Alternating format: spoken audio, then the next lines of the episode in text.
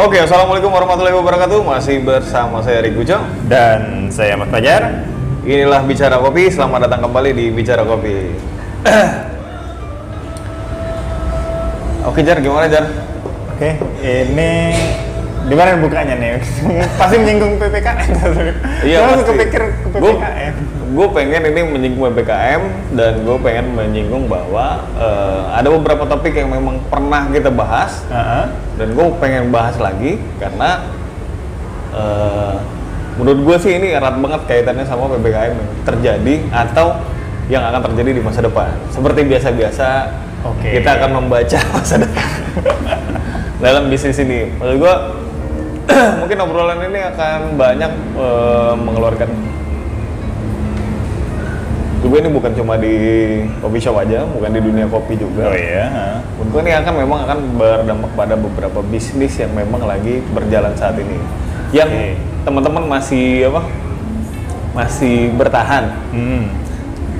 dan kita dari dalam hati sebenarnya eh, mengucapkan bela sungkawa juga buat teman-teman yang sudah tidak bisa bertahan di masa pandemi Iya, ini dan ternyata. harus menutup eh, unit usaha dia. ya semoga ini menjadi sebuah awal ya, bukan menjadi sebuah akhir. Nah, apa Pak? Maksudnya? Ya buat terus berjuang, Oh, terus buat ini. Kirain awal dari bertumbangan. Bukan. ya, jangan sampai. jangan sampai mau gua ya tidak akhirnya jadi dimotivasi lah Iya, justru bahwa ketika pernah gagal menjadikan sebuah motivasi bahwa ada sesuatu yang mungkin uh, bisa diambil sesuatu dan mungkin bisa bergerak lagi Benar. cari duit lagi dan lain-lain itu pertama Karena kalau ngomong PPKM aja ini kita minggu kedua Pak ya. Eh apa minggu ketiga sih saya kalau masuknya. minggu Eh, ke minggu ketiga, ketiga jatuhnya. jatuhnya Iya. Sudah sudah perpanjangan waktu. ya ya. ppkm saat ini kalau kita Palembang ya terutama. Palembang sih ya, kalau di Palembang kayaknya udah eh, apa? Boleh buka 24 jam. Oke. Buka nggak masalah maksudnya. Ya, waktu tidak menjadi masalah. Oke. Yang masalah adalah konsumennya nggak ada. Jadi gue ngerasain PPKM yang tahu minggu ketiga dengan peraturan yang baru ini level Iya. 4, peraturan terbaru dari Wali Kota Harnojoyo yang secara tidak langsung dia udah ditegur sama Pak Joko Wau Hah? tentang kinerja selama pandemi ini. Pandemi. Dengan keputusan yang dia buat bahwa da- bentuk usaha dengan skala kecil, dalam artian mungkin gue termasuk juga, Hmm. gue di situ nggak begitu jelas. Iya, Kalau gue ngerasa bahwa gue masih kecil, maksud gue yang besar itu mungkin restoran yang jauh lebih besar kayak KFC, McD, Mungkin mungkin mungkin situ. berjejaring ya, Ah, oke. berjejaring atau kopi tujuh lah ya kalau di Palembang ya. mungkin lebih skala ya? Ya mungkin skala usaha lah ya kita skala. ya kan. Mungkin kalau gue ngeliat skala kapasitas kayaknya pak. kapasitas kapasitas ruangan atau tempat duduk yang Oh, mereka mungkin, punya benar. Malah kalau kita ngomongin omset kayaknya nggak etis ya. ya Karena beberapa teman-teman kita mungkin bisa menyamai Benar. omset bisa ke situ. karena ya karena nggak kelihatan juga sih sebenarnya Iya. Nggak ketara Cuma kayaknya mungkin dengan skala besar itu dalam artian ruang atau kapasitas Benar. untuk menampung ya misalnya berapa porsi kata 40 80 Oke kalau yang itu gue maknai cuma pada akhirnya gue ngerasain bahwa ppkm ini di minggu pertama di Hmm. peraturan yang baru kita boleh buka 24 jam tapi dine in hanya 25% dari kapasitas. 20% kapasitas Ah, oke. terus eh, durasi ada? durasi nggak ada. Kita nggak kayak Oh, di Jakarta nggak. kalau itu eh, dari peraturan yang gue dapat sih nggak ada menyinggung masalah lo harus duduk sekitar berapa menit iya nggak ada. nggak ada Itu 30 menit apa ya nggak nggak ada Iya. Pas kemarin awal-awal peraturan itu disampaikan, Nah, gue sih melihat eh, teman-teman merasa senang ya karena bisa buka 24 jam. betul Cuma ketika sudah berjalan hampir satu minggu ini, Hmm. Eh, kalau gue secara pribadi sih merasakan bahwa ya buka sih bisa 24 jam, Iya. tapi ternyata konsumennya nggak ada juga. maksudnya yang datang juga nggak sebanyak ketika kita Iya, berharap tidak ya harapan bahwa- itu tidak sebanding sama Ah. kenyataan lah katakanlah gitu. bahwa ketika kita pikir mungkin awalnya kita sepi karena jamnya dibatasin ternyata ketika jam tidak dibatasin pun konsumen Iya. tidak kembali ramai Tidak kembali ramai. Jadi kayak ibaratnya ini kayak permintaan konsumen dijawab tapi ternyata eh gue setelah buka selama satu minggu gue berpikir bahwa ini mungkin bukan permintaan konsumen gitu. Tapi permintaan kita kitanya aja gitu. Dan ternyata kalau sini sih gue ngerasain ya mungkin ada beberapa teman yang mungkin tetap impactnya tetap rame gitu. Cuma kalau dari gue secara personal gue ngerasa bahwa konsumen juga ke sini sininya juga nggak begitu Oke. jadi kalau misalnya kuota untuk 25% dine in gue ngerasa gue menjalankan itu karena mungkin yang datang untuk dine in cuma 25% Pak. dari kapasitas Nggak perlu diatur ya. nggak perlu diatur dengan kapasitas yang ada menurut gue sih sudah 25% yang jadi masalah akhirnya gue menganalisa itu pak Oke. Gua- kita pernah kita sempat ngobrol juga kan di WA malaman itu jadi beberapa pelanggan gue juga banyak yang kena ternyata. Banyak yang positif. Nah. banyak yang positif. Oke eh, kalau ditelusurin mereka kenanya di luar sih bukan di bukan Iya. dari kopi baik bukan. Gue aja karena gue punya grup grup kedai bukan kedai itu ya bukan perkumpulan kedai kedai bukan. Konsumen kedai maksud gue tuh jadi mereka konsumen lu juga di grupin man di grup ya. Mereka bikin grup sendiri. Oh, gitu. akhirnya gue ikut. Oh, gitu. gue bukan adminnya tapi gue tetap sebagai anggota di situ. Tapi syukur alhamdulillah mereka di sana juga eh, apa memberitahu keadaan mereka. Oke. itu sih yang yang apa akhirnya gue ngerasa bahwa grup tuh ada gunanya juga gitu ya. Walaupun selama ini nggak tahu lah ya. Ya lu tau lah grup-grup Nah. bacolan gitu Iya. gimana aja gue ngerasa di situ jadi lebih ini mereka ngabarin gue aja dalam satu minggu ini udah dua kali antigen pak gara-gara beberapa konsumen yang gue gue tidak berkontak erat sih tapi gue ya ketemu lah Iya. gitu apalagi kalau regular customer kan bisa dibilang ha- hampir tiap hari Iya, kan tiap hari, gitu. gitu. walaupun kayak gimana juga mereka hadir di sini kan gue tuh udah dua kali antigen ya alhamdulillah gue negatif terus apa? Eh, tadi juga baru oximeter gue bagus maksud gue tuh. Saat ini jadi eh, pada akhirnya gue ngerasa gue eh, kalau gue di IG di Instagram gue bikin gue tutup jam 10 pak. Oke. Tapi pada kenyataannya gue kadang jam 8 atau jam 9 gue udah tutup. Karena gue ngeliat situasi kondisi lah ya sikonnya Iya. lah. Karena ternyata kalau malam tuh udah nggak ada orang bener pak. Karena itu tadi pertama konsumen gue banyak yang kena. Ah, karena eh, waktu gue ngerasa bahwa kayaknya waktu pas gue kemarin sempet tutup eh, untuk dine in jam 5 hmm.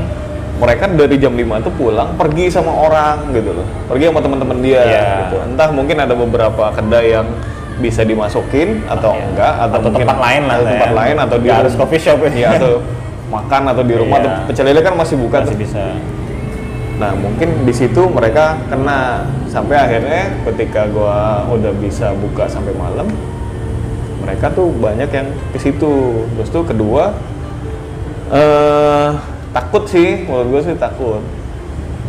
Karena banyak juga yang temen yang mungkin ketemu juga kayak gitu. Kalau gua kan Iya. kayak keharusan harus ada di sini. Iya. Karena ini bisnis gua gitu. Nah, gue ibaratnya kantor lah gitu. Kalau gua terpaksa untuk eh, demi menyelamatkan gue tetap ke sini ya gue memilih untuk mengeluarkan beberapa helai lembar uang gue untuk antigen setiap saat lah itu udah maksud gue resiko yang harus gue ambil ya. Anak bolu juga kan iya masuk. ya, anak gue juga akhirnya swab juga. Gue udah semuanya udah gue antigen dan semua alhamdulillah negatif. Terus kedua ya itu tadi banyak teman-temannya atau orang lain eh, apa atau customer gue yang mungkin di rumahnya ada yang lagi Betul. kena sehingga Iya. dia memilih walaupun dia tidak bergejala dia mungkin takut bahwa takutnya dia menjadi carrier OTG atau dan Benar. lain-lain Iya. sehingga beberapa customer tuh banyak yang isoman ini gue kalau malam gue ngerasa kayak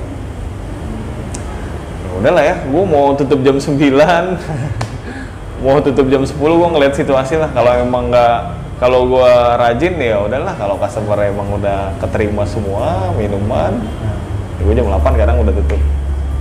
Karena lu mau ngarepin apa juga nggak bisa mah Hmm. pada akhirnya ada sesuatu yang eh gue akhirnya gue kan memang ke ketika dari eh, awal tahun kemarin gue kan eh, sudah me- ingin membuat gue buat planning dan ingin merealisasikan bahwa eh, bisnis ini akan berjalan online to online Oke. bukan online to offline karena kita kayak kita kita pernah bahas setelah kita pulang dari Yang pertemuan pertemuan, kementerian iya, kementerian ah. parekraf itu yang bareng sama anak buahnya Sandiaga Uno ya gue lupa siapa nama bapak itu ya Ah. nah itu bahwa memang dia membuat sebuah pengertian kreatif yang dikecilkan menjadi bahwa eh, Online. online gitu. Bisnis saat ini adalah kreatif yang online gitu. Sehingga akhirnya kan gue dari bulan mungkin gue bulan April Mei lah ya April Mei itu gue udah berfokus untuk bagaimana caranya gue online to online. Sehingga gue akhirnya eh gue kan berharap ya, gue kan akhirnya bakar duit juga ke situ, Iya. walaupun gue lagi sebenarnya gue ngos-ngosan juga untuk itu gitu tapi pada akhirnya kan gue ujung-ujungnya tetap harus lah karena gue nggak tahu ke depan 2022 atau seperti apa tuh gue nggak begitu tahu karena yang jelas gue persiapan saat ini entah itu menjadi salah atau enggak gue kan nggak tahu Iya. karena belum momennya belum hasilnya. ya Iya. karena momennya belum keluar hasilnya gitu cuma akhirnya gue terkendala juga pak terkendala bahwa ternyata akhirnya gue tuh eh gue kan bakar duit tuh ke Gojek salah satunya Iya. Itu akhirnya gue ngobrol sama ini apa driver. Karena gue tuh nggak mendapatkan puas dalam artian setelah gue beli bikin promo seperti itu Eh. kok orang tetap nggak tertarik kayak Iya. gitu loh. Itu menjadi masalah. Sampai akhirnya gue pertama gue nanya sama driver. Terus driver tuh eh, ngeluh. Ngeluh dalam artian gini dia bilang ini GoFood udah kayak gosen deh bilang wah kenapa gue bilang begitu. Karena gue tuh dapet kita tuh selalu dapat jauh-jauh dia bilang gitu Oke. jadi dia eh, maksudnya jauh itu dia pengirimannya atau pengambilan dia? pengambilan dia bang Oke. jadi yang gue ketemu itu dia lagi ada di angkatan 45 Ngambil ke sini. ngambilnya ke sini gue bilang wih kak ya lumayan sih itu kak nah Iya. ternyata ada yang lebih miris dia bilang gue tadi lagi di Basuki Rahmat Ah. Dapat orderan di Pizza Hut depan ini pak Oke. untuk ngantar ke Tanjung Barangan Oke. Ah. Artinya kan dia ya perjalanannya jadi lebih jauh kan. Gue bilang, gue gue mikir, gue di depan ini kan isinya Ya itu kan beguna Iya. geng hijau ini semua, Ah. geng geng motor itu. Gue kalau dulu biasanya mereka Iya. gitu, mereka tuh jalan kaki di sini tuh. Bener. Baru pas ke situ naik motor baru pergi gitu. Iya, sering. Jangankan itu dulu aja go, goret pun kadang dapat juga sering dapat di depan juga Iya, kan. depan. Gitu. Sekarang tuh jadi ini, dia bilang, wah algoritmanya berubah, dia bilang begitu. Oh, gue bilang, apa iya kayak gitu? Gue ngerasa bahwa yang gue tahu tuh kan kalau driver tuh punya performa juga, ada performa Iya. indikator juga, sehingga dia akan dipanggil. Oh, artinya gue awalnya berpikir bahwa geng hijau yang di depan ini mereka performanya rendah, artinya males ngambil orderan sehingga Oke. dia nggak dapet di dia. Ah. Gue mikir ke situ itu mungkin ada benernya juga sampai akhirnya customer gue tuh pak beberapa yang alhamdulillah sih maksud gue tuh yang tidak bisa apa yang nggak Gak dateng. iya maksudnya yang nggak datang dan dia pesan pakai gojek Ah. itu karena promo itu ternyata banyak yang pengen pak tapi mereka nge DM itu bang gue tuh nggak dapat dapat driver dia bilang kayak gitu. Hmm. Bang orderannya biasanya ada beberapa yang malam ya habis maghrib jam tujuan ke atas tuh mereka mengeluhkan seperti itu.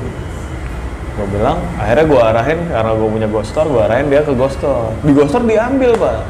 Karena Ghostor bentuknya gosen. Bukan GoFood. jadi akhirnya gue tuh berpikir bahwa gini kok ini ini ini ada masalah nih gue bilang gitu. Gue mikir bahwa GoFood mungkin ada masalah nih. Kenapa akhirnya konsumen dia konsumen gue tuh nggak dapet driver pada saat itu? Itu lama pak. Dan gue tuh ada beberapa kali memang bulan lalu gue tuh ada 10 cup gue merugi pak. Hmm.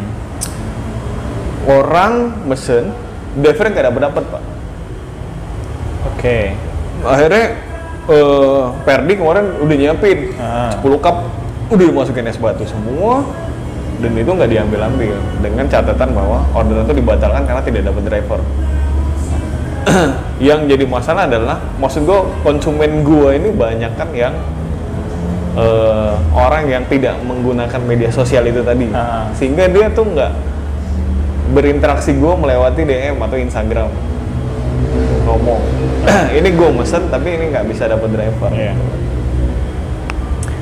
itu gue sayangin juga itu gue ya ibaratnya gue menjadi gue merugi lah itu ya Hmm. katakanlah gitu jadi karena masalah gue tuh sudah menganggap bahwa ppkm itu bukan menjadi ya itu sebuah rintangan Iya. tsunami yang datang tapi bukan berarti kita akhirnya gara-gara itu kita juga ikut bunuh diri gitu nah.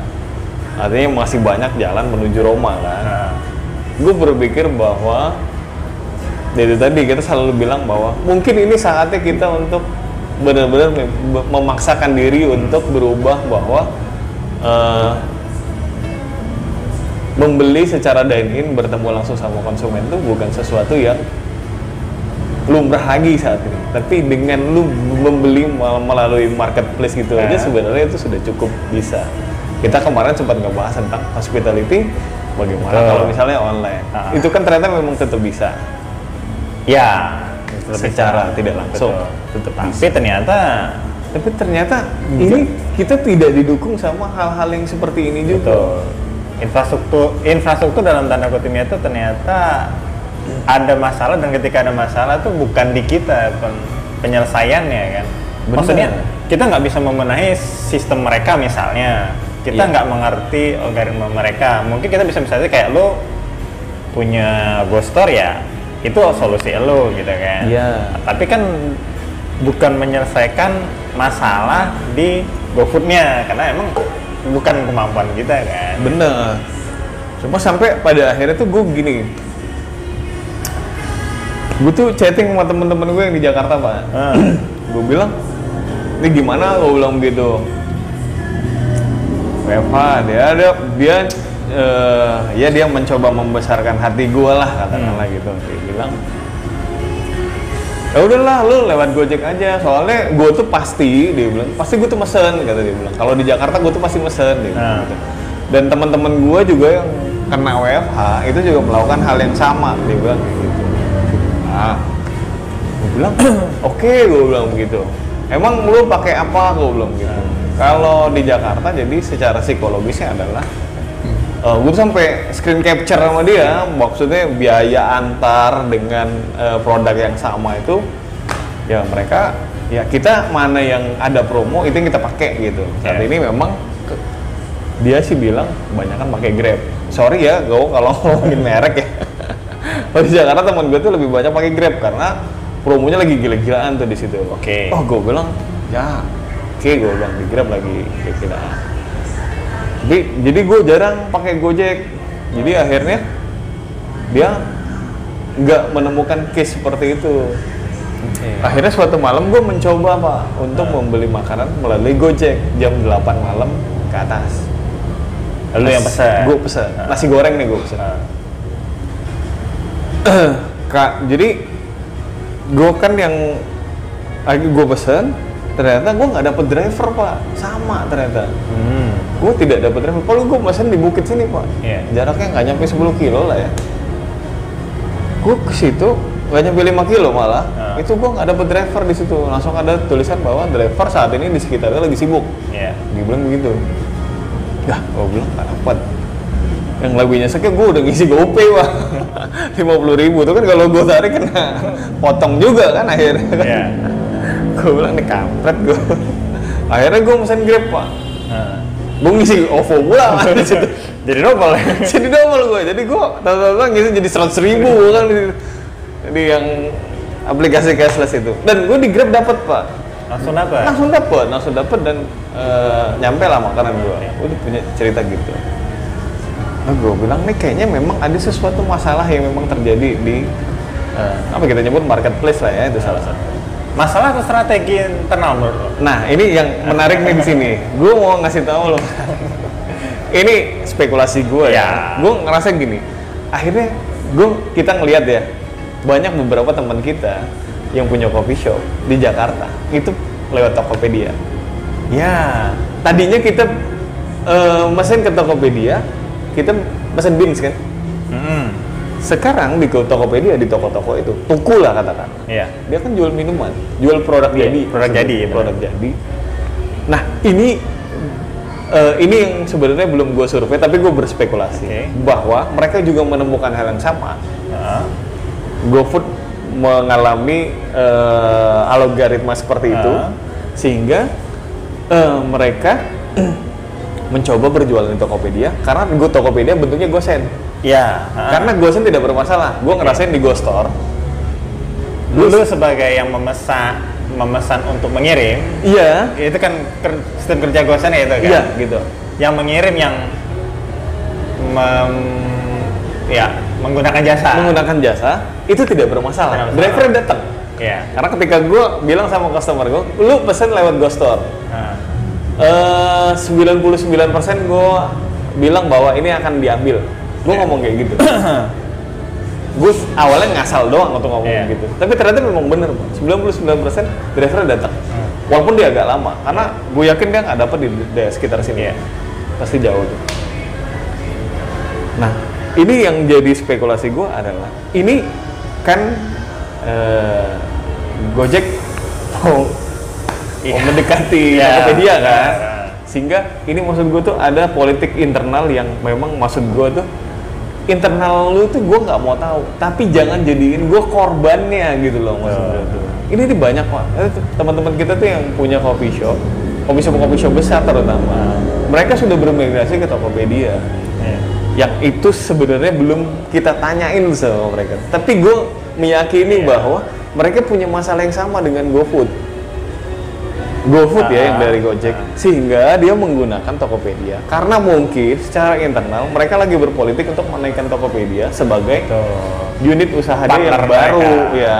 Atau ya gandengan lah. Ah, gandengan dia ketika baru. Dia kan baru beli Iya. maksud gue tuh. Ketika lo mau pakai eh, jasa ini Gojek, lo mainnya di Topet. Iya. Terus sebaliknya kalau lo pakai Topet, itu paham gua. Nah, akhirnya kan Ke di situ Iya. maksud gue tuh. Itu itu spekulasi, Spekulasi ada, gua. benar. Kalaupun itu memang terjadi, ya itu tadi gue bilang masalah internal lu tuh oke itu lu jadiin aja masalahnya tapi jangan jadikan kita sebagai korban karena gue ngerasain bahwa akhirnya menjadi eh gue tuh saat ini gue ngerasa bahwa orang yang telat untuk berpikir me- menggunakan jasa online to online maksud gue tuh gitu Oke. ha.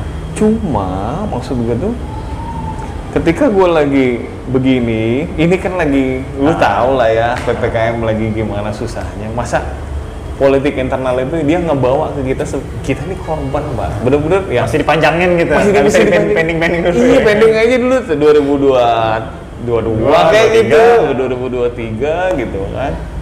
Yang memang maksud gue tuh ya lo kalau emang ya katakanlah kita tahu lah kenapa Gojek mendekati Tokopedia kan karena dia mau ngambil OVO. Ya. OVO mau sama Grab tuh kan udah ada isu juga untuk gabung. Itu kan arahan-arahan yang Duh, dulu.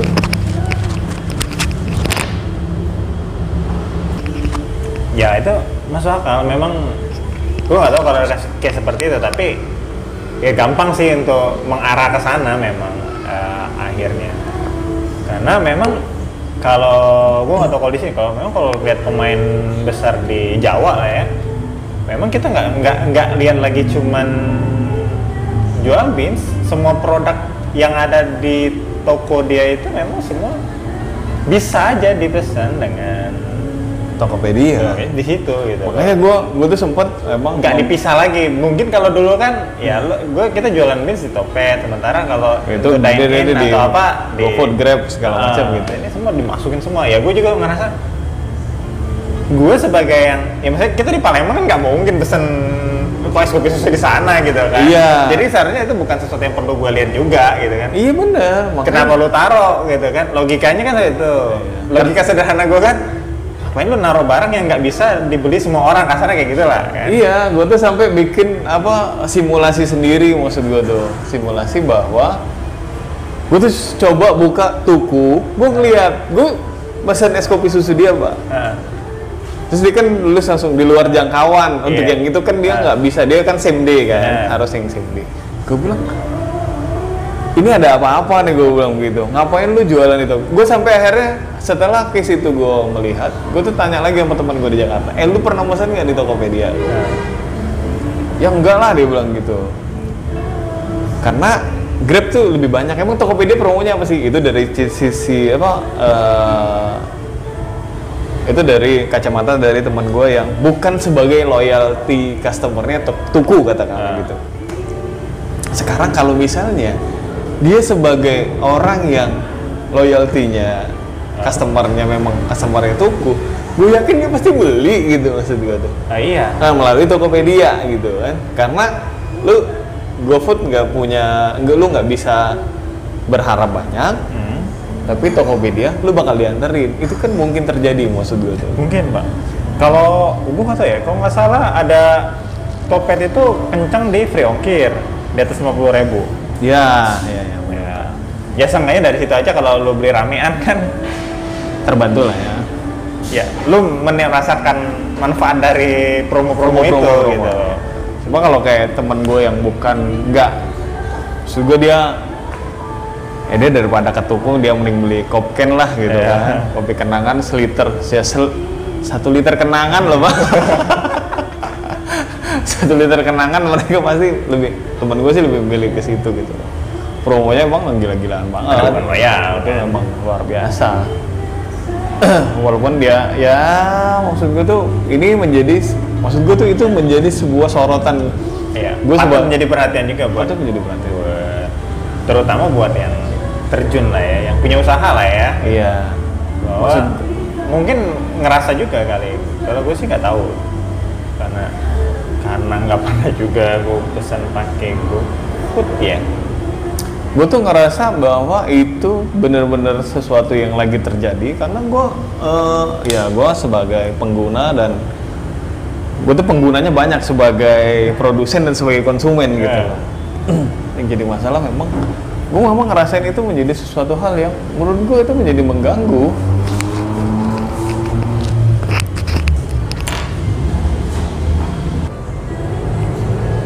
ya itu tadi.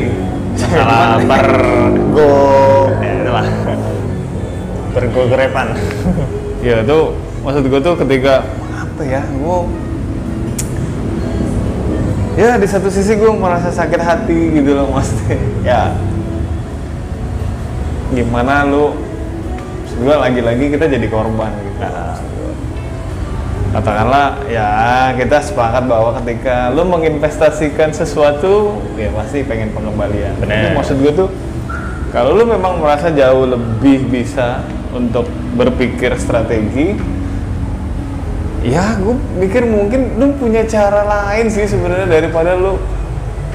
Apakah memang bener kayak di film-film maksud gue tuh sesuatu yang besar tuh butuh korban gitu loh dan yang kita pilih adalah kalian gitu sering banget kan gitu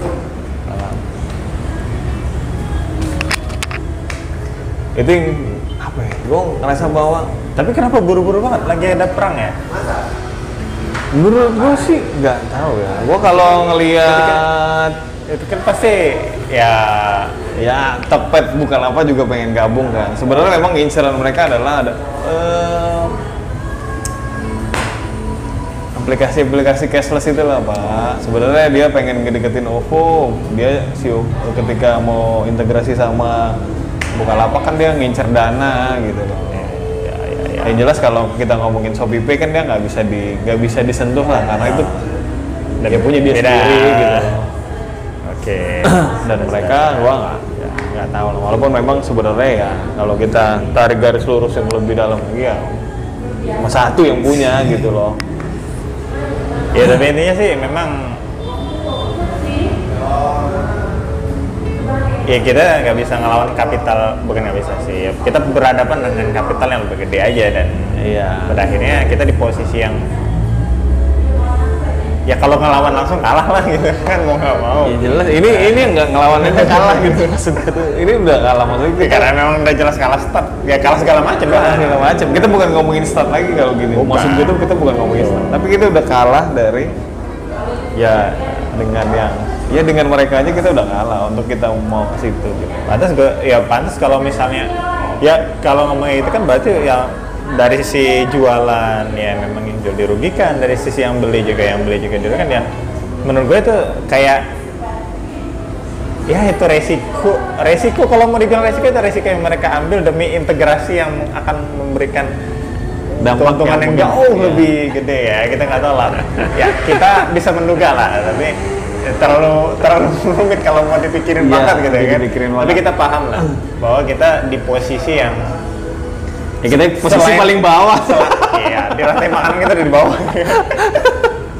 Udahlah kondisinya seperti ini, ada P- PKM, terus ternyata kita pikir hanya dengan berpindah ke online akan terbantu, ternyata ada kendala juga. Iya. gitu kan. Ya kalau gue kalau kita kalau gue sih bilang kalau kita bermigrasi ke online memang itu akan sangat membantu. Inilah tren 2021 gitu. Iya, dan ini mungkin akan menjadi tren selanjutnya Dan sampai ke selanjutnya. depan. Itu jelas, Pak. Tapi ternyata ketika kita masuk juga ke situ, kendalanya juga ini lagi banyak Betul, juga. ternyata gitu. berkendala. ternyata banyak. Bukan cuma bukan Karena cuma- ternyata ketika kita mau masuk itu saat ini mungkin apa ya medan bermainnya tuh sedang berubah juga. Iya, ya, kebetulan yang kita bahas tadi itu ada proses seperti itulah gitu kan bukan lagi yang ter ini sebuah medan bermain yang lagi aman-aman aja juga ternyata. Bener, ternyata ya eh, ini sebenarnya bukti bahwa setiap lini bisnis itu terdampak. Oh, jelas Itu kalau kayak gitu, Pak. Kita Kalau- kita nggak bisa lagi cuman ngomong kedai kopi kopi shop itu semua pengguna jasanya akan terdampak. Iya, termasuk maksud gue tuh termasuk yang berinvestasi di situ juga. Maksud gue dia juga lagi tuh. Bagi sebagian orang yang tidak percaya bahwa ini betul-betul terjadi, sebenarnya gue mau bilang bahwa lu salah karena gue sebagai orang yang ada di rantai makanan paling bawah, gue ngerasakan sesuatu yang, eh gue ngerasa benernya dirugikan mas. Gue tuh pengen bikin yang kayak apa Dian Sastro ngomong sama Rangga, Rangga yang kamu lakukan ke saya itu jahat. Gue pengen itu kalian yang lakukan pada saya itu jahat banget gitu. itu luar biasa pak. Ternyata begitu posisi itu memang keadaan ekonomi ini artinya kalau memang ini sesuatu yang eh, dibuat artinya maksud gue tuh semua tuh merasakan sampai ke investor yang paling besar yang kita pikir bahwa mungkin itu permainan dia juga gue ngerasain bahwa itu juga mereka merasakan hal itu walaupun memang itu mungkin sudah diperkirakan sama dia gitu loh maksudnya Iya. artinya memang ini terdampak ham- bukan hampir tapi memang benar-benar ke semua jelas seperti itu.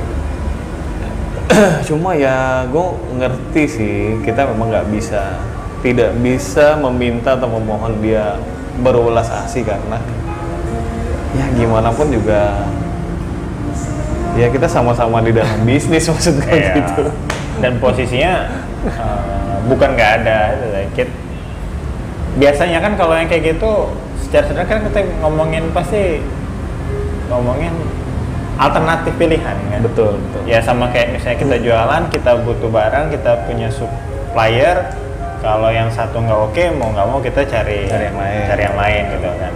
Tapi ini kan pilihannya kan terbatas ini sangat terbatas sih sebenarnya. Dan kita juga nggak tahu apakah yang pilihan lain itu juga sedang merencanakan sesuatu juga gitu kan kita nggak Nah, tahu iya, juga. benar, itu. Mungkin Itu- itu sekarang juga. Lagi ansor lagi ingin sorga kita bisa merasa memilih beralternatif ternyata nggak juga kan nggak tahu juga.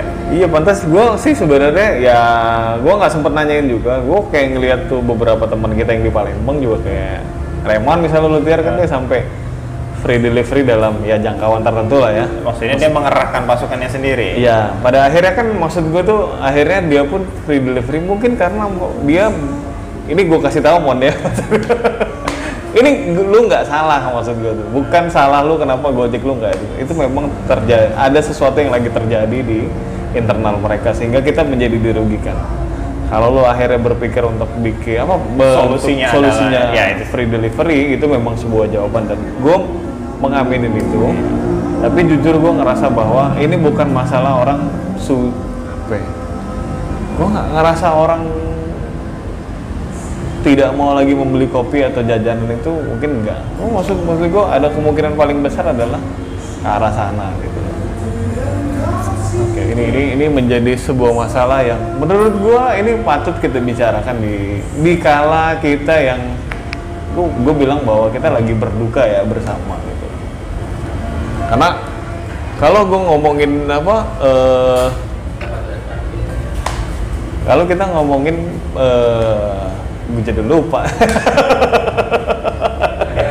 Emosian gua gua lupa.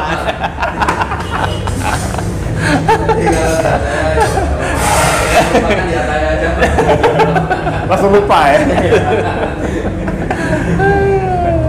ya ya, ya. jadi kalau eh, ya yang gue memang sih gue pikir jadi kenapa saya gini yang kayak kita bahas juga oke problemnya saat ini kan yang di luar kendali kita tuh adalah konsumen Betul. kita bisa ber kita mencoba beradaptasi dengan ppkm lah gitu kan mau nggak mau kita mungkin coba mencoba alternatif baru online to online gitu. tapi ada satu hal yang sulit kita kendalikan yaitu konsumen kalau mau buka jam 8, jam 9, 24 jam semua tergantung dari konsumen. Konsumen. ada yang beli atau enggak Betul. Ada yang datang atau enggak? ada yang datang atau enggak itu case pertama ada yang datang atau enggak gitu kan Iya. Untuk Dan- beli tuh mungkin gue rasa saat ini kita ngomonginnya ya itu di skip dulu lah, Nah, datang dulu nah, gitu. Nah, kalau gue tuh membaginya seperti itu pak, karena case pertama itu adalah orang tuh datang atau enggak. Tadi kita udah singgung, ini kondisi semakin tidak Kondusif. kondusif gitu loh. Mungkin konsumen kita ada yang sakit, dirawat, isoman, memilih tidak keluar dulu segala macam. Akhirnya mereka nggak datang. Nah, yang kedua itu memang gue sebelum gue denger ini gue pikir mereka dan karena gue sendiri merasa memang kondisi orang itu kan sedang tidak baik-baik saja secara ekonomi juga mungkin mereka baik dalam artian penghasilan ada tapi mereka juga berpikir sekarang gue mungkin akan sangat rutin untuk swab misalnya PCR Ya. PCR misalnya Dan, Itu dan sebuah jajan lo akhirnya dialihkan Iya. ke situ maksud lo. Iya. Gue nangkap sih. atau misalnya ya lu dikit-dikit ngerasa gak enak lu beli vitamin gitu misalnya Ya. artinya konsumsi masyarakat lah sebagai pot- konsumen potensial itu akan bergeser gitu loh dari yang jajan jadi banyak hal lah gitu Ya, dari jajan kopi menjadi jajan vitamin Ah, atau ah. jajan antigen gitu. Iya, itu kan. Nah, jadi eh, itu tapi itu kan masa tidak terkontrol sama kita maksudnya kita Ya. kan kita nggak bisa juga Ya. mau kita bikin promo kayak gimana ya itu kan di luar kendali kita lah gitu. Nah, tapi ketika lo denger itu ya itu satu hal lagi sih yang menurut gue tuh jadi kayak sebenarnya mungkin ada orang yang masih mau menyisikan buat jajan tapi terhalang kayak barrier gitu bahwa ternyata ada sebuah kendala yang membuat pembelanjaan daring online itu jadi jadi nggak lancar gitu. Betul, betul. Itu juga Jadi ketika seseorang mungkin apa pun motivasinya memang dia seorang loyal customer atau dia support atau dia memang butuh pengen aja Hmm, nggak terpenuhin gitu. bener bener. Itu memang kalau gue perhatiin dan menganalisa beberapa orderan yang di atas jam 8 itu pasti lu nggak bakal bisa dapat driver. di atas jam 8 ya. Lu kalau nggak percaya lu cobain, lu iseng aja deh jam 8. Lu beli apa gitu, martabak ya atau di atas jam 8. Tapi lu pakai GoFood ya, Iya. jangan pakai GoSend atau besar kemungkinan bahwa lu nggak akan dapat driver. Itu itu sesuatu yang terjadi. Karena gue kemarin juga nyoba, karena gue ya oke, gue butuh makan. Walaupun sebenarnya gue bisa dapat di sini, gue iseng tuh kemarin. Gue mau panel tuh iseng. Udah kita gojek yuk. Ya, jam hampir jam setengah sembilan ya. Soalnya nasi goreng gue tuh datang jam sembilan jam sembilanan. Singkat gue, sembilan kurang. Jadi gue kemarin jam 8 dan itu itu jelas gue nggak dapet. gue udah nggak dapet karena kalau kita ngomong eh, tempat gue beli nasi goreng itu kalau nggak salah dia buka sampai pagi deh kalau nggak salah atau ya malam lah gitu Iya. katakanlah. artinya kalau kita ngomong dia pakai aplikasi Gobis harusnya terdeteksi bahwa toko itu masih buka Hmm, betul. yang jadi masalah adalah dananya ada tokonya buka kok drivernya bisa nggak ada itu kan menjadi Iya. sebuah tanda tanya Di mana driver nggak ada itu juga rasanya tuh hampir mustahil ya. ya iya sekarang uangnya ada maksud Nah. gue tuh tokonya buka Nah. kecuali dananya ada tokonya tutup driver nggak ada Iya. Oh, oke jelas itu cuma maksud gue tuh ada dua poin yang sudah tercukupi untuk Nah. Menghadirkan si driver ini kok dia nggak ada gitu itu menjadi sebuah tanda tanya Masalah yang paling umum kan paling terlalu jauh. Tapi itu pun kayaknya juga Ya. segitu ganasnya kan algoritmanya gitu sampai Ya mungkin deh, gue tuh sampai mikir gini pak ya, gue mikir nakal bahwa gue tuh pengen jadi driver saat ini. Ya katakanlah memang kalau secara hitung-hitungan mungkin dia berpikir bahwa hitung-hitungan dia rugi ya, gitu Nah. ya. Maksudnya dia dapat dapat orderan jauh gitu misal. Cuma eh karena kan dia nggak dapat poin lagi tuh, itu poin pertama tuh pak. Oke. Dia nggak dapat poin lagi. Terus kedua dia dapat itu, gue tuh ngerasa gue tuh pengen jadi driver dan gue tuh pengen eh, apa beramal jariah lah ya maksud gue tuh ketika ada orderan masuk ke tempat gue mau lagi di mana gue hajar gitu maksudnya gue pengen membantu juga sesama gitu termasuk eh, orderan gue sendiri gitu misalnya. Gue sampai mikir kayak gitu pak.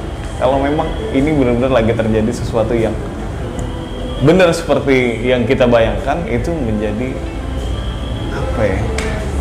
Miris pak itu pak. Gue merasa miris banget. Jelas. jelas pasti. Gue jadi ya lu lihat jam segini aja tuh.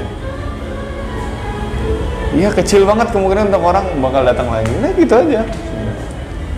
Karena kita tuh karena gue tuh di awal waktu ppkm itu terjadi oke lu tutup jam 5 gue tidak jadi masalah karena gue berpikir bahwa ya udah gue akan nungguin gojek aja gitu. Ah. ternyata itu tidak terjadi. Nah, itu jadi masalah. Sampai ketika itu terjadi pun customer gue nge DM bahwa gue nggak dapat dapat dapat driver nih. Gue bingung. Gue lagi ada di kopi baik pandangan gue ke depan ngelihat orang pakai baju hijau dan Ya dia- kan nggak ada yang nangkut satu Iya, gitu ya. maksudnya. dan dia bilang bahwa dia nggak dapat driver kan gila maksud gitu sekarang eh, dia punya sebuah program super merchant super merchant itu kan supaya orderan yang jadi 10 menit itu bisa dilakukan dalam lima menit Hmm. kopi yang panas tidak menjadi dingin kopi yang dingin tidak menjadi berair gitu Oke.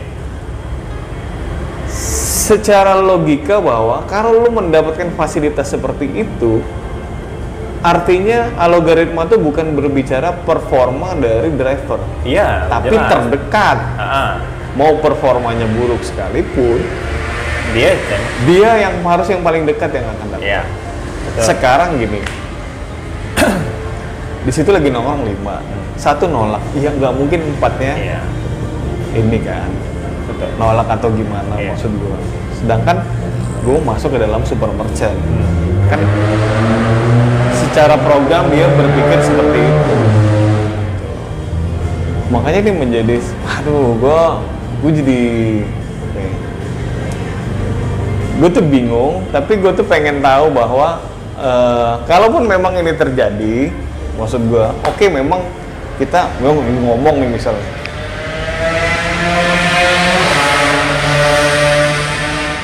Oke bener nih karena dari pihak aplikasi ini memang memang kan kita baru mengintegrasi satu produk ya kita habis investasi pengen naikin dia. Gue pengen sih dia ngomong kayak gitu. Jadi maksud gue tuh ketika dia ngomong kayak gitu secara terbuka kan kita bisa punya tindakan Iya, lain maksud gue tuh. Oh, Oh tidak oke. berprasangka bahwa oh ini masalah error sistem gitu bu. Iya. Nggak nggak berpikir yang Walaupun gue nggak berpikir seperti itu. dari obrolan ini kita nggak mikir ke situ. Iya. Itu kalau terlalu teratur polanya ya. Betul kalau ngomong gitu ya udah maksudnya kan gini ya. Kita ini kan menjadi sasaran empuk karena apa pun keputusan dari aplikasi itu kita akan terima, Pak. Karena Pasti. kita mau mengintegrasi kita ke situ gitu loh maksudnya. Iya. Kita lagi berusaha untuk online ke situ. Cuma kalau dia ngomong gitu, oh ya udah. Iya. Kalau emang mau lagi ke situ, apa yang lu oh, yang mau lakuin lu ke situ tuh mau ngapain gue akan pindah ke situ gitu Iya. toh jasa yang akan gue pakai sama juga masih ke lu juga gitu Ya, kita tahu mau menentukan stepnya tuh seperti apa. Iya gitu loh maksud aku tuh. Ketika dia mau ngomong, iya gue lagi memang lagi mau naikin ini, ya udah, gue akan ke sana gitu maksud gue tuh. Gue secara pribadi ya gue nggak jadi soal maksud gue. Kalau emang ke situ gue akan artinya dana untuk membakar duit gue promo tuh gue jelas ke mana Iya. gitu loh. Jangan sampai gue jadi pembuangan yang sia-sia. Lu lagi naikin itu gue investasi di sini gitu. Kan ngapain gitu maksud gue. Kayak ya enak kalau keadaan lagi normal. Kadang kan lagi nggak normal-normal banget pak. Ya, duit gue juga terbatas untuk itu. Tuh kalau lu memang ke arah situ ya udah gue akan bakar ke situ. Gue taruh aja ke situ. Gue bantuin lah lu untuk dapat pengembalian secepatnya. Gue akan ke sana.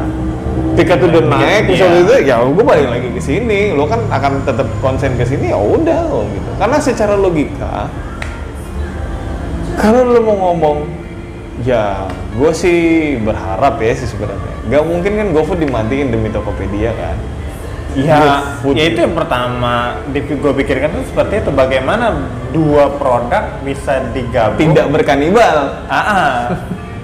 akan selalu seperti itu. Kalaupun ya gimana ya? Bagaimana menggabungkan dua produk yang sejenis gitu kan, tapi tetap sama-sama hidup. Kalaupun mau dimatikan, eh, ya gimana gitu kan? tindakan Ya, lu masa- apa Ah. gitu Masalahnya adalah kita sebagai user tidak punya informasi apa pun kan seperti itu. Bener. dan mereka juga nggak nggak nggak ya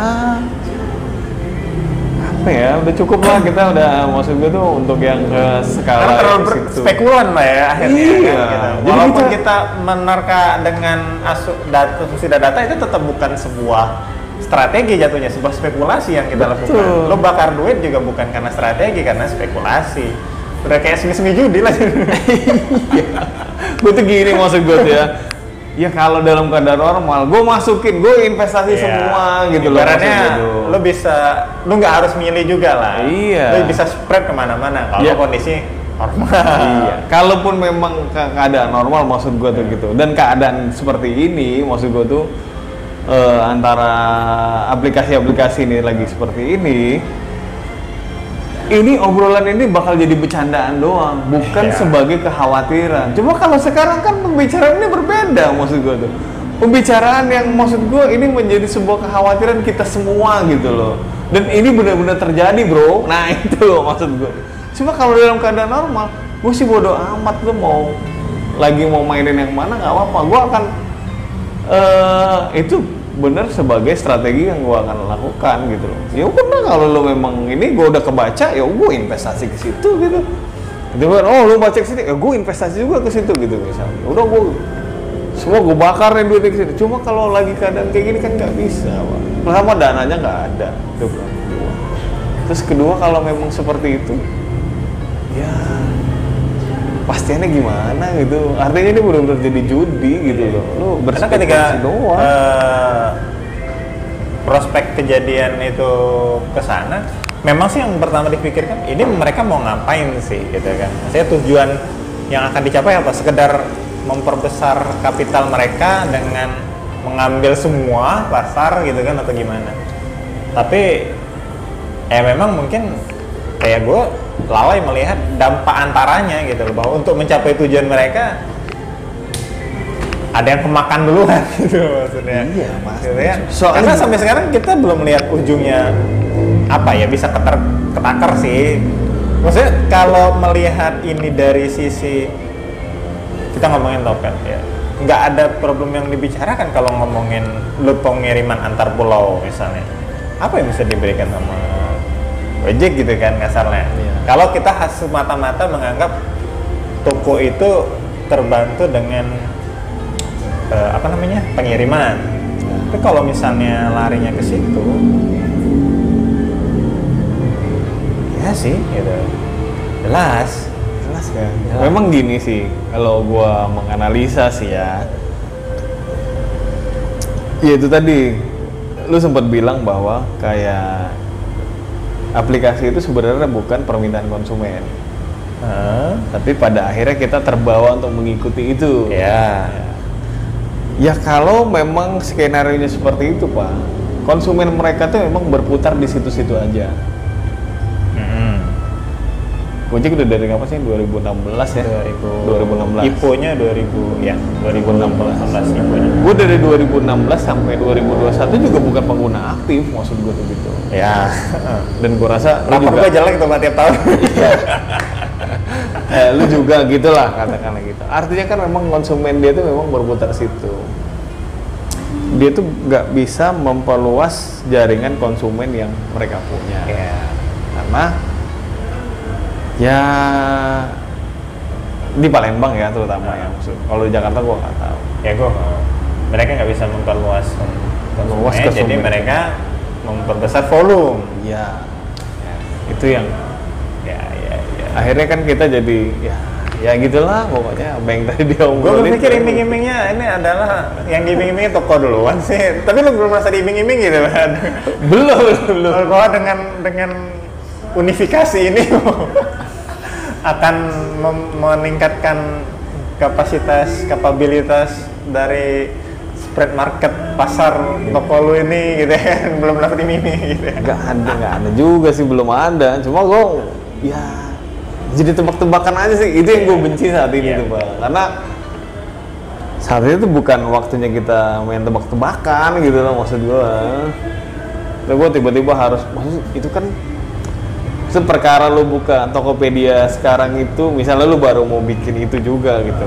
ya misalnya nih lu akhirnya buka toko lah di situ ya itu tuh kan yang yang ngurusin itu tuh jadi banyak pak dan Oh. itu tuh nggak nggak maksud gue tuh bukan perkara ya udah kalau emang gitu Ya, ya apa bedanya Ya, dengan buka aja gitu. buka- ya apa bedanya dengan lu buka Gojek dari dulu ya. iya benar Tapi ketika nggak diurusin juga ternyata nggak ngasih impact apa-apa. ya kan? makanya kalau nggak diurus dia nggak impact apa apa cuma kalau kita nggak kalau kita mau ngurus kita kan butuh sumber daya, Sumber daya lagi, katakanlah gitu.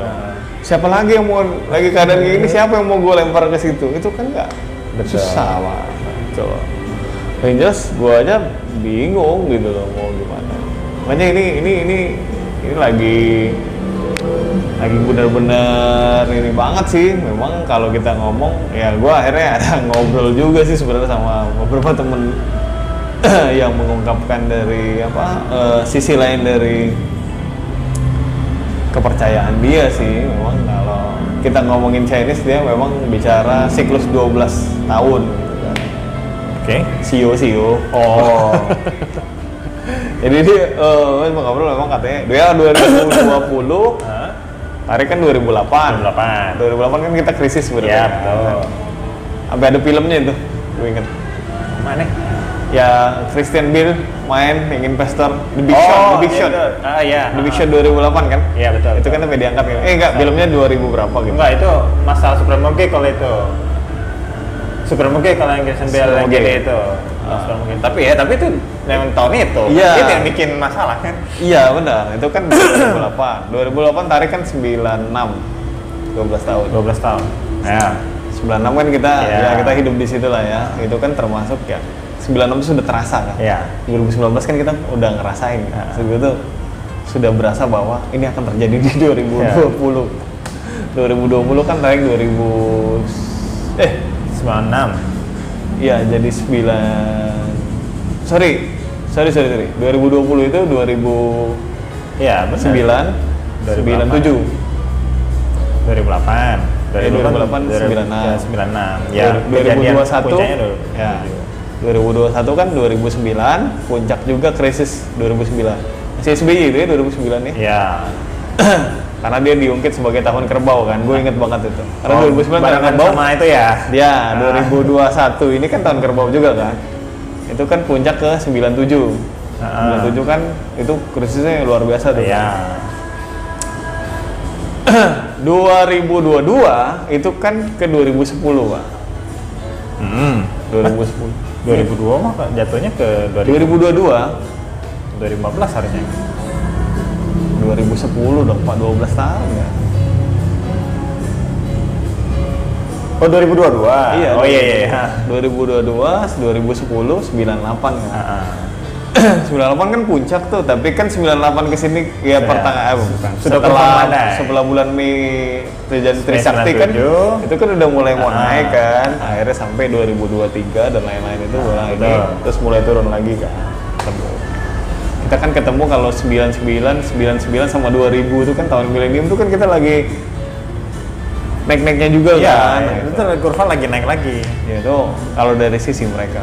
Makanya beberapa teman gue yang Chinese tuh menunda untuk membeli barang, berinvestasi di tahun ini. Tapi di awal tahun dia mungkin akan gempung jauh gitu. Wah, oke lah gue.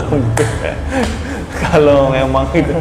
Tapi itu kan sebuah tapi tapi gak tau gue barusan ngo kemarin gue barusan ngobrol sama teman gue yang dia kebetulan dosen sih. Oke. dosen wirausaha dia bilang ini bukan saat yang tepat untuk financing untuk pembiayaan. Ya udah bilang, ini saat yang tepat untuk mengatur operating operasional Betul. kalau kita ngomongin cash flow Iya, iya. dia bilang kayak gitu. Jadi financing lu lu mau memperkuat kapasitas dengan berhutang pokoknya apa pun mekanisme financing stop dulu. Karena nggak cocok katanya Oke tuh. Menurut gue mulai setuju tuh sama temen lu. walaupun dia nggak pakai analisa tahun lah ya Ya, itu kan tapi maksudnya dia melihat melihat pola seperti ini dia bilang kayak gitu ini bukan waktu yang tepat untuk ya, ya. mungkin mengetatkan ini ke pinggang kayak kayak temen lu bilang kayak mana lebih bertahan karena ya nggak tahu sih tapi memang kalau kita lihat polanya begitu kalau semata-mata hanya ngomongin ekonomi ya kita ngomongin Ya. pandemi sebagai sebuah masalah itu itu begitu dia naiknya juga agak cepat gitu pak 997 kan 98 lagi 91 tapi 2000 itu udah Iya, beberapa gitu perusahaan kan. kan lagi naik-naik banget tuh Ah. di tahun-tahun itu. 2008 kita kolaps tapi itu wah luar biasa kan banyak Ya. banget apa eh, kalau kita ngomong Forbes itu kan muncul semua dari betul. Indonesia kan gitu 2012-an ke atas itu sudah banyak itu. Top 40, top 100 ya kan? Eh, ya oke oke lah itu dari sisi besarnya gitu tapi menurut gue di bawahnya juga naik. Mungkin seperti itu ya mungkin lah ya. Memang agak ber, agak berat ketika kita melihat di sini kita nggak cuma ngomongin ekonomi doang gitu loh Iya, balik lagi. Betul, betul. yang memukul alat pukul pertama itu tuh bukan soal ekonomi gitu. Kalau dulu kan dua-duanya bisa dibilang ekonomi semua lah ya gitu kan. Masalah kurs rupiah segala macam gitu segala Iya, macam. makanya di- macet iya, kalau ini kan. di tahun itu maksud gue tuh karena nilai mata uang yang susah, tapi kita tetap bisa jualan. Bener. Itu loh. Cuma kan kalau sekarang kan kita ngomongin ya oke lah kalau kita ngomongin tahun 97 yang ketika para Tionghoa keturunan itu mereka takut untuk jualan, takut keluar segala Iya, macam. Kejadiannya mirip, tapi kan maksud gue tuh eh, presentasinya bukan sebanyak ini kan kita udah ngomongin Ah, ah. seluruh umat manusia Iya. gitu. Lo nggak memandang ras apa segala macam, lo bisa aja kena, gitu kan.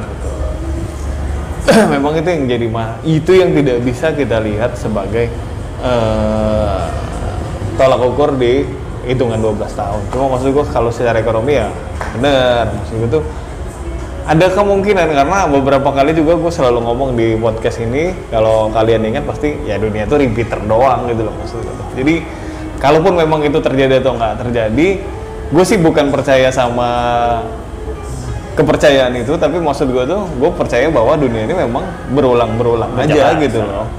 Maksud gua.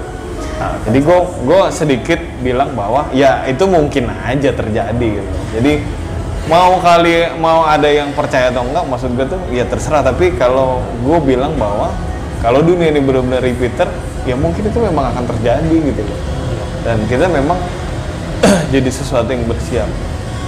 Satu hal bahwa kalau gue bisa ngomong eh, mengeluh itu memang saat ini bukan menjadi sebuah jawaban tapi bertahan mungkin menjadi sebuah alternatif saat ini. bukan satu-satunya pak alternatif enggak gue nyerah aja alternatifnya ya bertahan atau nyerah gitu loh maksud. Salah satunya gitu. Ya lu bisa bertahan atau lu bisa menyerah. Ya paling enggak ya kita berdoa. Gue berdoa sih secepatnya. Cuma kalau kita ngomong eh, beberapa eh, kemungkinan-kemungkinan atau forecast-forecast yang akan terjadi ya paling enggak paling lama kita bertahan sampai eh, 6 atau 8 bulan ke depan lah itu yang harus kalian. Itu Ngabisin udah- 2021 lah ya. Ngabisin 2021. Ngabisin kalau kita percaya sama kebudayaan itu ya nunggu tahun baru Cina lah Februari gitu. Iya. Mau nggak mau gitu. Kenepin aja lah ya, Kenepin 8 aja bulan deh. Ya benar 8 bulan dari sekarang. 8 bulan dari sekarang ya lu bulan Maret lu udah bisa siap. Artinya maksud gue tuh ya gue juga sempat baca bahwa ramalan pandemi berakhir juga mungkin 8 Desember belum bulan Desember lah. gue Ceritanya. gue ngerti gini pak, ramalan pandemi terakhir tuh memiliki dua makna. Iya iya iya iya gue ngerti. Iya kan? Ya udah. Gak usah dilanjut dulu lah ya. Mungkin ada yang nggak ngerti pak. gue sih ngerti maksudnya. Antara memang ya berakhir atau ya sudah lah kita hidup berdampingan dari gitu lah. Itulah akhir dari sebuah pandemi. Iya maksudnya ya kalau ngomongin itu ya tapi kalau gue ngeliat ke sekarang sih sebenarnya maksudnya apa ya kalau banyak yang positif sih gitu tadi kita kemarin sempat bahas juga kenapa setelah vaksin malah banyak yang itu ya gue setuju bahwa memang kita sebenarnya yang vaksin itu adalah sasaran empuk buat eh, virus ini masuk itu itu Iya. pertama karena memang arahannya adalah ketika lo udah divaksin lo harus istirahat selama itu bukan berjarak antara vaksin pertama dan vaksin kedua ya tapi sebenarnya lo harus istirahat Iya. Dari vaksin pertama menuju vaksin kedua lo tuh tidak boleh Itu- melakukan pekerjaan Ya. berat Itu ibarat kalau masuk zaman-zaman sekolah tuh minggu tenang lah. Ya, harusnya gitu. Dan lu setelah vaksin kedua itu maksimal 14 sampai 21 hari. Eh, Jadi setelah lu vaksin kedua, lu sebenarnya harus istirahat. Karena ya itu kan asumsi mereka bahwa virus di dalam tubuh lagi bekerja, antibody lagi bekerja Lagi, melawan itu, ah. apa, beradaptasi lah. Iya. Ada barang masuk. Jadi kalau misalnya eh, ini terjadi lagi banyak lonjakan ya mungkin memang ada beberapa yang tidak bertahan atau memang ya sesuatu yang menurut gue sih wajar-wajar aja sih. Tapi mungkin gue tidak pernah berharap bahwa ini menjadi isu yang harusnya orang harus meninggal. Itu gue gue yang nggak Oh enggak, enggak, enggak, enggak, enggak, enggak, kayak itu. Ya nggak kayak gitu, gue malah ya itu menjadi sebuah ketakutan juga kalau yang kayak gitu. Karena eh, kalau mau ngomong begitu, gue ngerasa bahwa ya keluarga gue juga ada yang meninggal karena covid itu jelas. Dan saat ini beberapa keluarga gue juga lagi ada yang positif. Itu menjadi sebuah apa ya? eh, kalau gue tuh bukan tidak cemas sih pak, tapi gue berusaha untuk eh, berpikir lebih positif, lebih santai gitu loh. Karena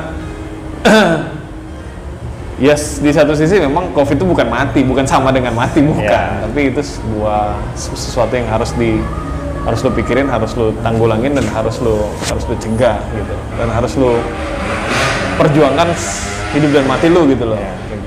Gua nggak nggak bilang itu mati, cuma maksud gue tuh eh gue merasakan bahwa ini memang menjadi sebuah ketegangan karena gue ngerasa bahwa inner ci- circle gue tuh semua udah kena gitu loh pak dan gue jadi ngerasa takut gitu loh karena gue tuh gue tuh ngerasa aja pak ya gue kalau keluar rumah tuh kayak perang aja sih pak Ya.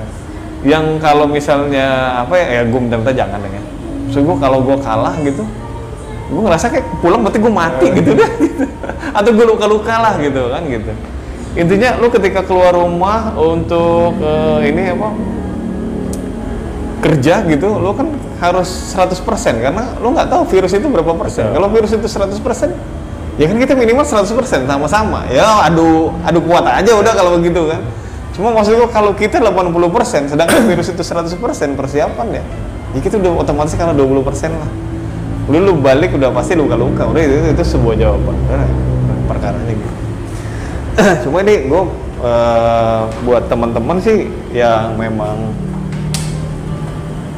merasa bahwa itu ya itu kurang lebih kalau lo ngerasa ngerasa lo nggak begitu sehat ya udah di rumah aja lah itu udah paling baik dan satu lagi pesan kalau kita ya gue secara pribadi ya tetap tetap dukung bisnis lokal untuk tetap bisa bertahan. Itu Iya. kita udah dapat berita wah ngeri banget sih emang sih. Bandung aja dua hari yang lalu udah bikin apa, mengibarkan bendera putih ke ini apa di setiap kedai. Jadi kalau bendera putih itu artinya eh, rumah yang butuh bantuan apa pun itu. Dana kah vitamin apa segala macam gitu. Jadi mereka udah mengibarkan bendera putih di kedai masing-masing. Ini Udah, ini- udah. ini, udah. mau Iya, karena memang kondisinya itu di satu sisi kita udah terlalu eh, ya udah mulai terbiasa lah dengan dengan kabarnya. Kayak misalnya dengan dulu, gue bilang setahun yang lalu, ketika masih swab itu antibody reaktif, ada satu kasus saja kantor gue tuh ditutup pak, ya. Ya kan? Setahun kemudian hari ini temen gue positif. Ya udah gitu loh. Lo PCR lo di, istirahat dirawat. Kita gimana? Ya udah kayak biasa aja gitu loh. Nggak nggak kayak yang gimana? Bukan kita nggak takut tapi kayak kayak terbawa aja gitu loh pak. Bahwa oh ya udah oke. Oh ya lu udah. Terus siapa lagi nih? Siapa lagi? Lebih kayak gitu. Bukan sesuatu yang baik menurut gue tapi ya ya emang Iya. itu yang terjadi gitu loh pak.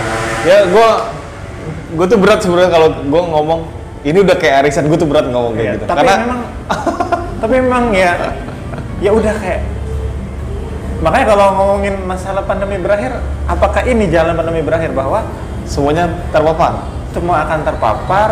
Ya semua akan terpapar pada waktunya gitu kan tapi ya kita nggak mudah-mudahan kalaupun iya ya udah gitu. Kena tapi, Ya, tapi sehat. melewati Ah, gitu. rilis kita sembuh dengan semakin banyak keyakinan kita bahwa ya udah ini kita memang kena kalau kena kita sakit tapi kita akan sembuh lagi gitu loh. Iya. Ah, gue pikir sih mungkin ya ke situ karena ya ya lu makin dekat gue juga kalau ngomongin circle kantor ya udah jelas lah ya. Iya, pasti. Dan nggak bisa Dan- dihindari lagi loh pak. dan umur vaksinnya juga akan berakhir beberapa Pada bulan lagi kan? gitu itu kan bulan April kan? Iya. vaksin dan Sinovac cuma enam bulan kan? Berita terbarunya kan? Ah, Dan Belum itu kita ngomongin varian yang itu. iya lu artinya yang sekarang. iya bener. Artinya lu bulan Oktober mungkin lu udah harus vaksin lagi kan? Itu udah jelas. Untuk itu update ya. update kan? Upgrade ya update ini Windows. Windows baru lu Ya, itu itu. Ya, pada akhirnya memang ini benar kuat-kuatan sih dan ya nggak bisa sendiri itu masalahnya. Bukan masalah. Ya, syaratnya kita nggak bisa kuat-kuatan sendiri ya, Pak. Karena ketika kita ngomong virus, mau ngomongin pribadi masalah kesehatan ya kita support, masalah bisnis ya kita tetap support. Iya. Harus saling support. harus saling support sebenarnya benar Mau nggak mau sih itu karena saling butuh ini. Iya benar butuh hidup ya bisnis juga butuh hidup. Iya. Artinya kan sama-sama butuh hidup. Ini aduh kalau kita ngomongin gini sebenarnya apa ya? Tadinya sih kita memang benar-benar eh apa ya? Kita kayak kalau bicara kopi itu tadinya gue secara pribadi sebagai yang punya podcast ini gue ngerasa bahwa kayak kita nggak mungkin membicarakan pandemi-pandemi terus gitu. Iya. Ya kita, kita berapa kali Benar. Kita kayaknya nggak mungkin yang ngomongin pandemi Masa pandemi lagi? Gitu-gitu karena aja. iya masalahnya dan itu malah kita juga mau memberi dampak yang maksud gue tuh Iya, kesannya kan mengulang-ulang sesuatu yang nega- memberikan vibrasi, vibrasi negatif. gitu kan itu takut. Tapi eh, di satu sisi memang beberapa yang ini ya mau nggak mau sebenarnya.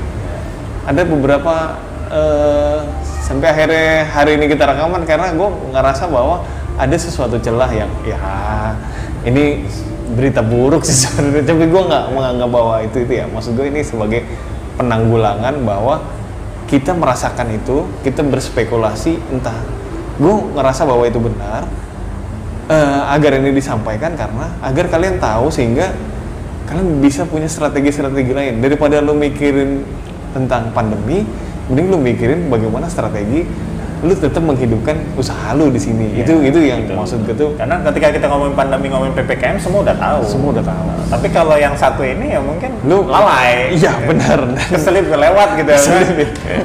kalau ngomongin PPKM ya ngapain lagi diomongin ya? Isi pengen tahu gitu. kan. Iya, lu juga ngerasain, gue juga ngerasain. Cuma kan ada beberapa sudut pandang yang memang eh, Yang ini nih.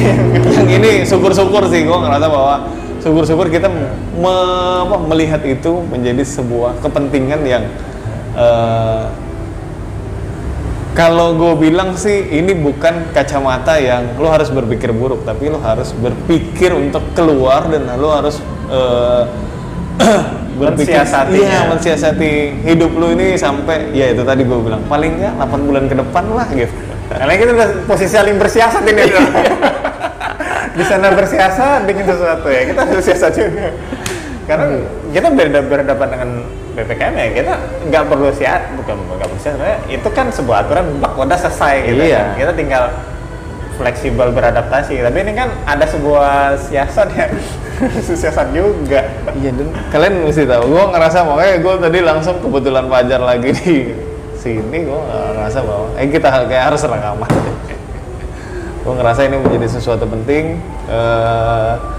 gue harap ini memang menjadi sesuatu yang penting banget dan kalian juga merasakan dan tadinya tidak ngeh mungkin kalian bisa eh, ada benernya juga mungkin. Nah saat ini juga mungkin ketika lo dengerin itu memang lo harus berpikir untuk berstrategi yang seperti apa tadi gue bilang kalau misal kita ngomongin eh, kepercayaan orang Chinese atau dari temennya Fajar seorang ekonom gue ngerasa mungkin ya paling enggak ya lu boleh percayalah. Gitu bahwa setidaknya lu baru bertahan sampai 8 bulan lah. Sampai 2022 di bulan Maret April lah gitu mungkin. Semoga ini sesuatu yang bermanfaat buat kita semua dan kita sama-sama berdoa bahwa pandemi ini semoga lebih cepat berakhir. Apa pun caranya Bentuknya. mungkin ya bentuknya karena eh, ya itu tadi karena kalau kita ngomong itu ya ini sesuatu yang nggak mungkin hilang. Jadi apa pun bentuknya semoga ini cepat berakhir dan semoga teman-teman masih bisa bertahan eh, sampai kita pulih kembali itu doa kita doa kita semua lah gitu. karena kita kalau apa kita walaupun nggak rekaman kadang-kadang kita tetap eh, mantau di media sosial itu jujur bukan ketawa tapi sedih banget ya. Walaupun teman kita yang Iya. harus berpamit itu gimana caranya ya? Maksudnya tuh tapi mau mau gimana gitu ya? Iya. Kita juga nggak bisa membantu. Dan gue sih ngerasa bahwa kita pun nggak bisa berucap apa-apa ke mereka. Iya. Karena itu sebuah rasa empati yang paling berat itu ketika kita nggak bisa ngapa-ngapain lagi Iya, gitu kan. bener. cuma bisa cedek gitu di hati aja udah. Iya. Ah, gila lah gitu udah berguguran nih itu itu sesuatu yang ini Oke, inilah bicara kopi. Selamat datang kembali dan selamat mendengarkan kembali kami berdua. Eh, apabila ada salah-salah kata kami mohon maaf. Saya Riki Uco. saya Ahmad Fajar Eh, sampai jumpa kembali. Wassalamualaikum warahmatullahi wabarakatuh. Adios.